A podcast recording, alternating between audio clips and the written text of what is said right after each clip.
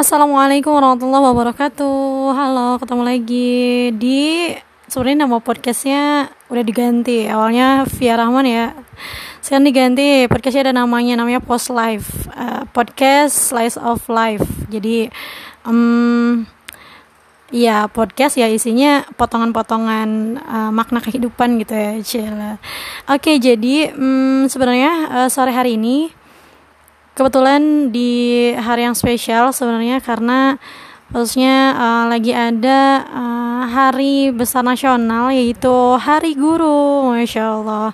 Nah, uh, sebenarnya uh, me, apa ya namanya menindaklanjuti, c, saya uh, meneruskan pembahasan di Instagram bahwa uh, ada satu hal yang sebetulnya perlu disoroti ya sebagai uh, guru terutama karena gue nih guru nih kayak uh, ter apa ya namanya tergugah gitu ya untuk uh, menyampaikan satu insight atau apa ya mungkin ya sebenarnya mungkin lebih ke curhatan mungkin ya ya pengalaman mungkin ya yang mudah-mudahan ada uh, manfaatnya faedahnya ya ada makna yang bisa diambil atau ibroh gitu ya. Nah hmm, sebenarnya udah ditulis ya di Instagram. Jadi memang uh, peran sebagai guru ini nano-nano sebenarnya.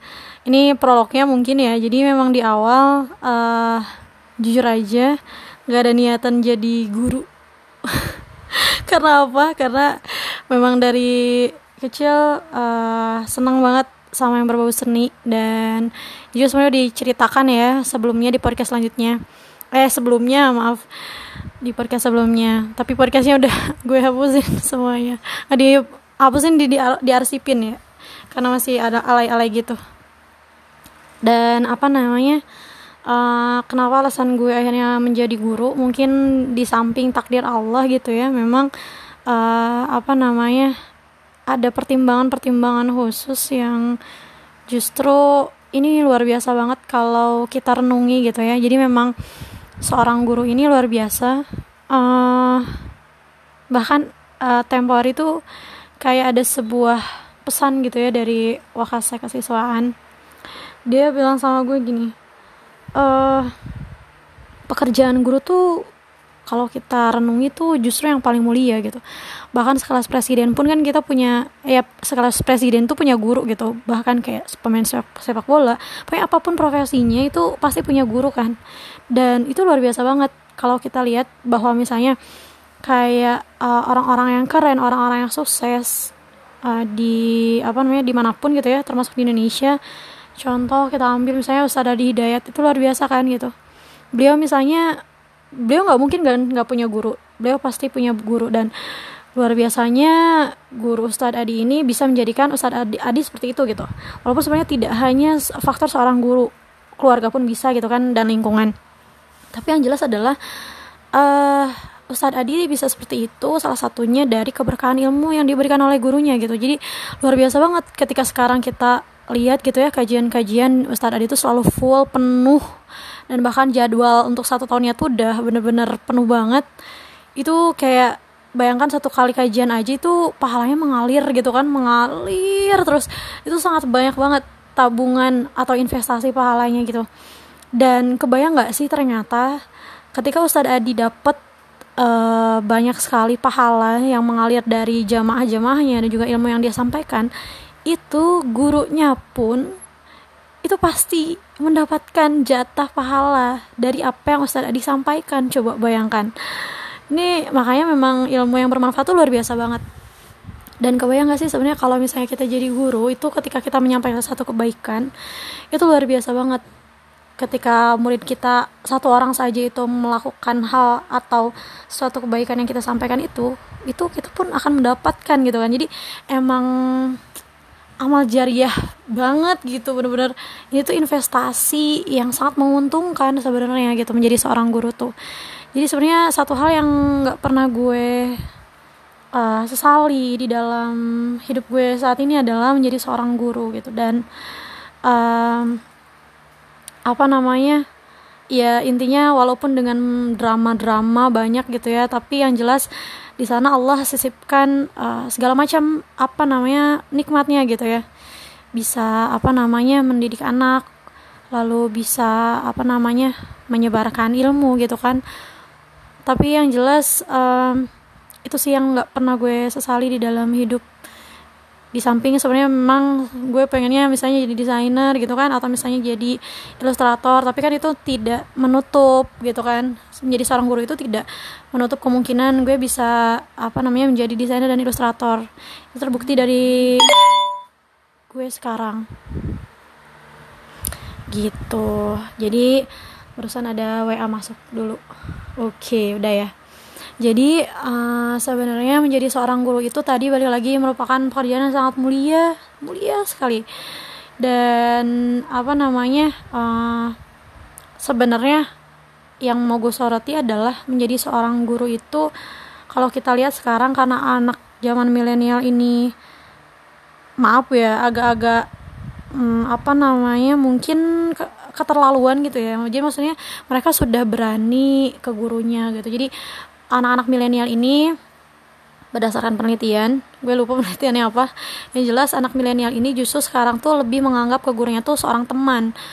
Beda dengan dulu gitu kan. Kalau kita perhatikan mungkin zaman zaman kita dulu kalau gue masih ingat itu zaman zaman sekolah agama tuh, tuh kayak segen banget sama guru tuh. Kayak apa namanya ketika misalnya telat sedikit aja tuh udah kayak wah aduh takut dak dikduk segala macam gitu kan. Kan itu inget banget gue disiram gitu kan pakai air sampai uh, kedinginan gitu kan. Di apa di apa dipukul lah gitu pakai sapu lidi segala macam. Itu adalah pengalaman yang luar biasa. Tapi uh, ya tetap ya yang namanya zaman kan berkembang gitu. Dan sekarang mungkin eranya milenial ini uh, bukan milenial mungkin ya sekarang ya. Gue gue generasi milenial generasi setelahnya generasi X Y Z ini gitu kan lebih menganggap gurunya ini teman. Jadi pantas saja sebenarnya mereka tuh uh, attitude-nya rada-rada memang kurang gitu ya mungkin dibandingkan zaman dulu. Kalau zaman dulu Imam Syafi'i itu bahkan dikisahkan itu uh, muridnya itu Imam siapa ya? Imam Imam Maliki itu menggoyang-goyangkan pena itu udah auto dikeluarin karena apa? Karena memang uh, dia takut mengurangi keberkahan ilmu tadi gitu. Jadi memang keberkahan ilmu ini yang utama. Dan ciri dari keberkahan ilmu itu adalah ingat gitu kan. Uh, kalau misalnya kadang-kadang kita misalnya lupa aduh perasaan pernah belajar ini deh gitu kan. Tapi lupa itu salah satu ciri dari hilangnya keberkahan ilmu gitu. Salah satunya mungkin dari dosa-dosa kita ketika di kelas gitu kan. Misalnya ketika kita kuliah di kelas kita malah tidur atau malah ngobrol gitu kan ketika dosen lagi menjelaskan. Itu juga bisa bisa jadi salah satu dari uh, apa namanya penyebab hilangnya keberkahan ilmu gitu. Jadi nggak ingat gitu. Pun sekarang begitu gitu anak-anak tuh gitu. Jadi memang bu nanya lagi gitu. Perasaannya udah jelasin kan gitu. Ya bu saya lupa. Nah itu dia. Jadi memang attitude atau keberkahan ilmu itu berkurang karena attitude dari siswa atau murid ke guru. Masih mending misalnya gurunya ikhlas gitu ya tapi ada misalnya sampai gurunya nggak ikhlas gitu wah itu bahaya gitu. Bahkan uh, Imam Syafi'i bilang itu apa namanya itu ilmu jika seorang guru tidak ridho itu itu bisa jadi hilang ilmunya gitu menguap gitu. Jadi makanya gue tekankan sebenarnya ke anak-anak. Anak-anak jangan pernah membuat uh, guru kalian ini merasa tidak ridho gitu dengan apa yang uh, dengan kalian lah intinya kayak gitu kan. Dan ini bahaya gitu karena uh, ilmu yang sudah kalian dapatkan itu akan menguap akan hilang gitu. Itu yang disebutkan oleh um, uh, kitab taklim talim gitu kan. Jadi memang sangat luar biasa takzimnya gitu. Harus level apa namanya yang baik lah gitu. Dan apa namanya kalau kalian lihat mungkin ya salah satu organisasi masyarakat ini gue sebut aja ya NU tuh keren banget kalau dari sisi takzim terhadap guru. Kalau kalian lihat mungkin ada Buya ada Habib itu datang ke sebuah kampung itu kayak wah gitu kan sampai salami sampai minta doa gitu. Itu dari segi takzimnya oke okay banget keren banget pokoknya dan ini yang sebenarnya masih uh, yang sekarang sudah hilang maksudnya. Uh, dari beberapa kaum uh, Y sampai Z ya. X Y Z ini. Dan mungkin walau alam nanti generasi alpha akan seperti apa gitu. Dan uh, yang jelas uh, ini adalah tantangan besar sebenarnya uh, menjadi seorang guru di zaman sekarang itu. Dan sebetulnya kuncinya nggak usah jauh-jauh. Misalnya kayak wah teknologi uh, 4.0 misalnya 5.0 segala macam lah ya. Teori-teori yang mungkin dari segi keduniawian. Sebenarnya gue percaya bahwa mengendalikan murid itu cukup nggak cukup sih sebenarnya. Maksudnya gini uh, dari segi keakhiratannya gitu ya ketawakalannya itu ya robitohin aja mereka gitu. Ikat hati mereka dengan hati kita gitu. Makanya gue sampaikan sebenarnya di uh, apa namanya di Instagram bahwa memang kunci dari harmoninya antara guru dan siswa itu adalah mahabbah gitu cinta gitu. Kalau nggak ada cinta gue tuh ya oke okay sih dibayar gitu misalnya sama sekolah tapi gue nggak pernah mau kayak ngurusin sekarang ada siswa misalnya ketahuan maksiat pacaran segala macem gue urusin gitu ya sampai ke rumah sampai gimana sampai gimana gitu. Capek banget gue kan sebenarnya nggak dituntut juga sama sekolah kayak gitu. Ya udah yang penting ngajar ke kelas gitu kan. Uh, apa namanya larang mereka sewajarnya segala macam udah aja selesai gitu. Tapi kan sebenarnya nggak bisa kayak gitu. Jadi memang ada nilai-nilai yang perlu kita ajarkan di sana gitu. Dan itu hanya bisa dicapai kalau kita melibatkan hati gitu. Walaupun sebenarnya bukan darah daging kita gitu kan siapa kita gitu kan. Tapi ya is okay gitu. Justru di sana gitu. Apa namanya ladang pahalanya. Dan sebetulnya um, balik lagi tantangan ya tantangan. Dan itu solusinya pertama dirobitohin ya. Dua robito itu luar biasa mengikat hati. Makanya kalau mau ngikat hati seseorang itu nggak perlu susah-susah ya udah kirimin doa robito aja ya Allah. Kirimkan untuk siapa misalnya gitu. Itu pengikat hati gitu kan. Uh, jadi sehingga hati kita dan hati dia tertaut gitu. Dan yang lebih penting adalah sebenarnya minta jagakan Allah. Minta uh, minta dijagakan oleh Allah gitu anak-anak kita. Kita nggak tahu kan di luar sana sekarang maksiat tuh luar biasa banget. Bahkan ketika kemarin ngedengar anak pacaran sampai sesuatu pun kayak wah gila gila udah separah ini gitu kan zaman. Dan bahkan dulu pun di zamannya kita gitu ya milenial itu nggak sampai ada yang berani gitu apalagi depan umum lah. Sekarang udah terang-terangan banget ini udah gila banget. Dan ini adalah salah satu mungkin uh, ya kalau dibilang tantangan tadi banyak banget ya sebenarnya tantangannya. Maksiat lah itu lingkungannya memang eh, apa namanya sasaran empuk gitu ya kaum kaum pemuda ini dari Gozul Fikar atau segala macam uh, dampak-dampak negatif gitu ya dari perkembangan zaman. Yang jelas adalah kita sebagai guru dari sisi seorang guru itu adalah kencangkan yang namanya doa gitu ya. Makanya sebetulnya ketika sebelum mengajar gitu ya ini uh, memang sebenarnya uh, rekomendasi sih sebenarnya untuk guru muslim gitu ya itu sebelum berbicara itu kan memang ketika ya ketika kita berbicara itu kan sebenarnya sunnahnya adalah membaca doa uh, yang Robis Rohli Sodri itu lupa nabi siapa ya? Astagfirullahaladzim nah uh, selanjutnya itu kita bisa dengan kalau gue sih merutinkan uh, ketika mau ngajar itu minimal itu satu jus karena kalau nggak satu jus kacau aja. Itu pernah pernah ngalamin juga sebenarnya kayak ini beda banget. Sehari itu sebelum ngajar itu tilawah satu jus sama nggak tilawah. Wah oh, kacau. Kacau. Anak-anak tuh kayak nggak ada yang merhatiin. Terus misalnya waktunya nggak cukup untuk menjelaskan materi itu kayak eh, chaos banget gitu. Dan ini salah satunya adalah karena memang kalam Allah gitu yang menolong kita. Allah yang menolong kita karena kita memprioritaskan apa namanya ibadah gitu kan kepadanya. Dan sebenarnya mengajarin juga kan ibadah gitu. Jadi memang uh, sangat uh, apa relate gitu. Dan ini adalah tips gitu ya untuk para guru yang saya mengajar susah gitu ya mengendalikan anaknya sebandel apa pun. Sebetulnya itu adalah ladang pahala kan ujian kesabaran untuk kita.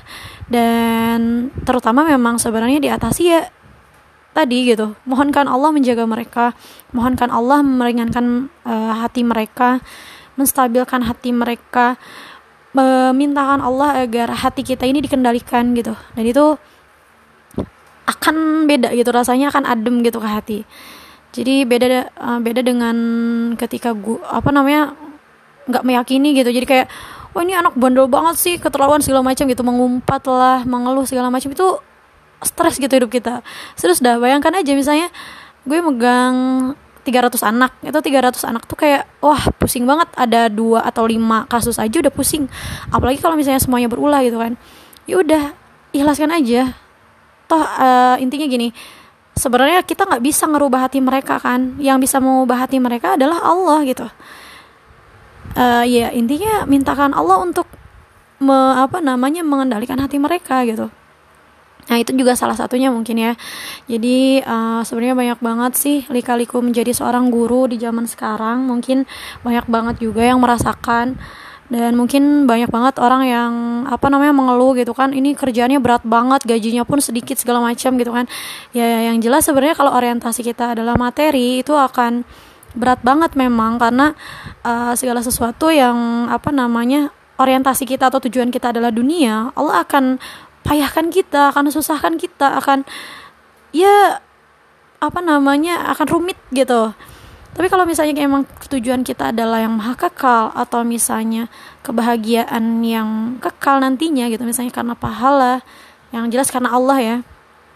Karena kita tahu bahwa ini tuh investasi yang sangat menguntungkan untuk kita di uh, akhirat nanti itu akan menjadi ringan gitu apa pun masalah-masalah kita itu akan Allah mudahkan gitu. Jadi memang uh, di balik lika-liku seorang guru ini mungkin uh, gue berpesan sebenarnya se sebagai seorang guru pemula karena baru sekitar satu setengah tahun ya menjadi seorang guru gitu. Dan ini cukup mm, melatih mindset bahwa memang seorang guru ini merupakan sosok yang sangat mulia. Makanya sebenarnya ada ada lagunya kan tuh sampai uh, apa tanpa tanda jasa segala macam itu karena memang betul karena guru ini bisa menjadikan gitu. Dan luar biasanya adalah ya khususnya di Indonesia gitu kan dari segi apa namanya kesejahteraan ini masih kurang. Dan ini yang sebenarnya harus dijadikan uh, bentuk uh, kesyukuran sebenarnya. Nggak apa-apa. Jadi memang uh, khususnya seorang yang menjadi seorang guru ini orientasinya nggak duniawi gitu tapi akhirat. Ya gitulah pokoknya ya Iya paling gitu aja sebenarnya. Jadi hmm, gue sebenarnya nekanin terakhir ya. Terakhir gue nekanin ke murid-murid gue buat apa namanya nak. Uh, itu terakhir soalnya kemarin bahasan tentang hormat dan patuh kepada guru kan. Gue bilang aja kayak uh, nak uh, inti dari ibu dan kamu itu adalah mahabbah cinta. Kalau ibu cinta sama kamu tapi kamu nggak cinta sama ibu bahasanya gitu ya? Nggak apa-apa anak-anak tuh akan uh, uh, ngerasa di touch gitu di touching hatinya. Walaupun sebenarnya banyak yang wah ibu. Iya bener. Kalau kalian nggak cinta sama ibu kalian tuh nggak akan memperhatikan gitu. Jadi kuncinya adalah cinta. Kalau kalian sudah cinta dengan gurunya insya Allah kalian akan memperhatikan gitu. Segaji apa pun gurunya gitu. Dan untuk menghadirkan rasa cinta itu tadi hargai keberadaan guru kalian gitu. Coba lihat uh, perjuangannya gitu kan. Menyampaikan materi untuk kalian gitu kan.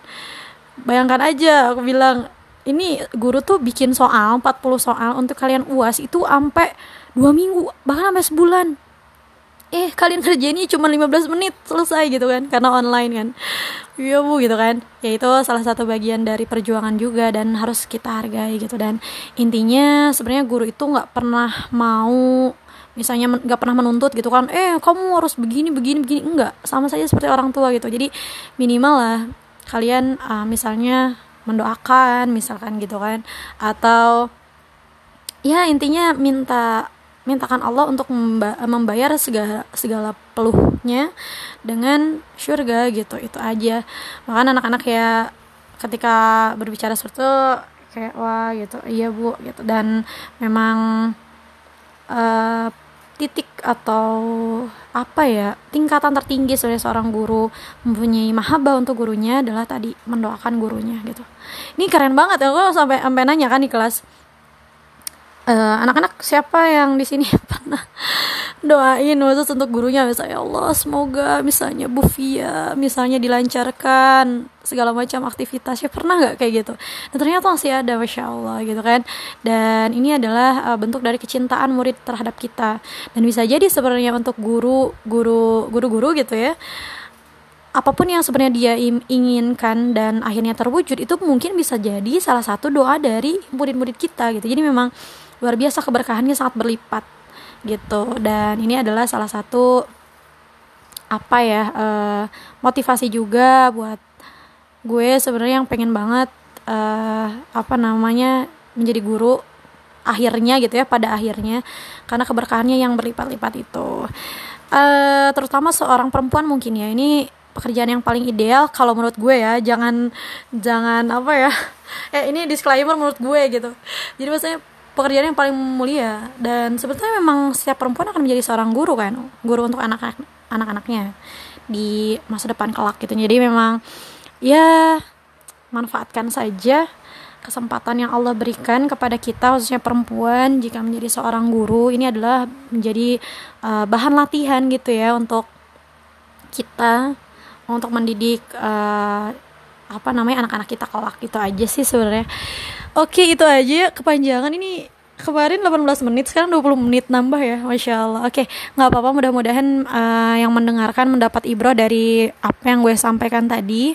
Mohon maaf juga kalau misalnya banyak kurangnya. Dan apa namanya sungguhnya ini pure uh, pendapat gue aja adapun misalnya banyak banget kesalahan kelemahan segala macam kelupaan itu memang murni dari saya gitu ya Terima kasih atas segala perhatiannya.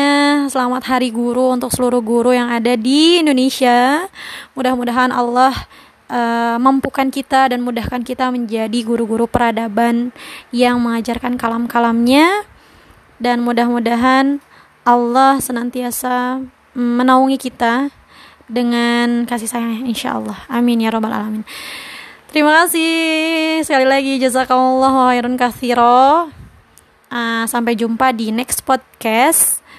Kalau suka jangan lupa ikutin podcastnya walaupun sebenarnya belum rutin dan belum terlalu berfaedah tapi nggak apa-apa lah ya. Mudah-mudahan tadi mendatangkan ibrah. Oke okay, thank you uh, for hearing. Uh, syukron assalamualaikum warahmatullahi wabarakatuh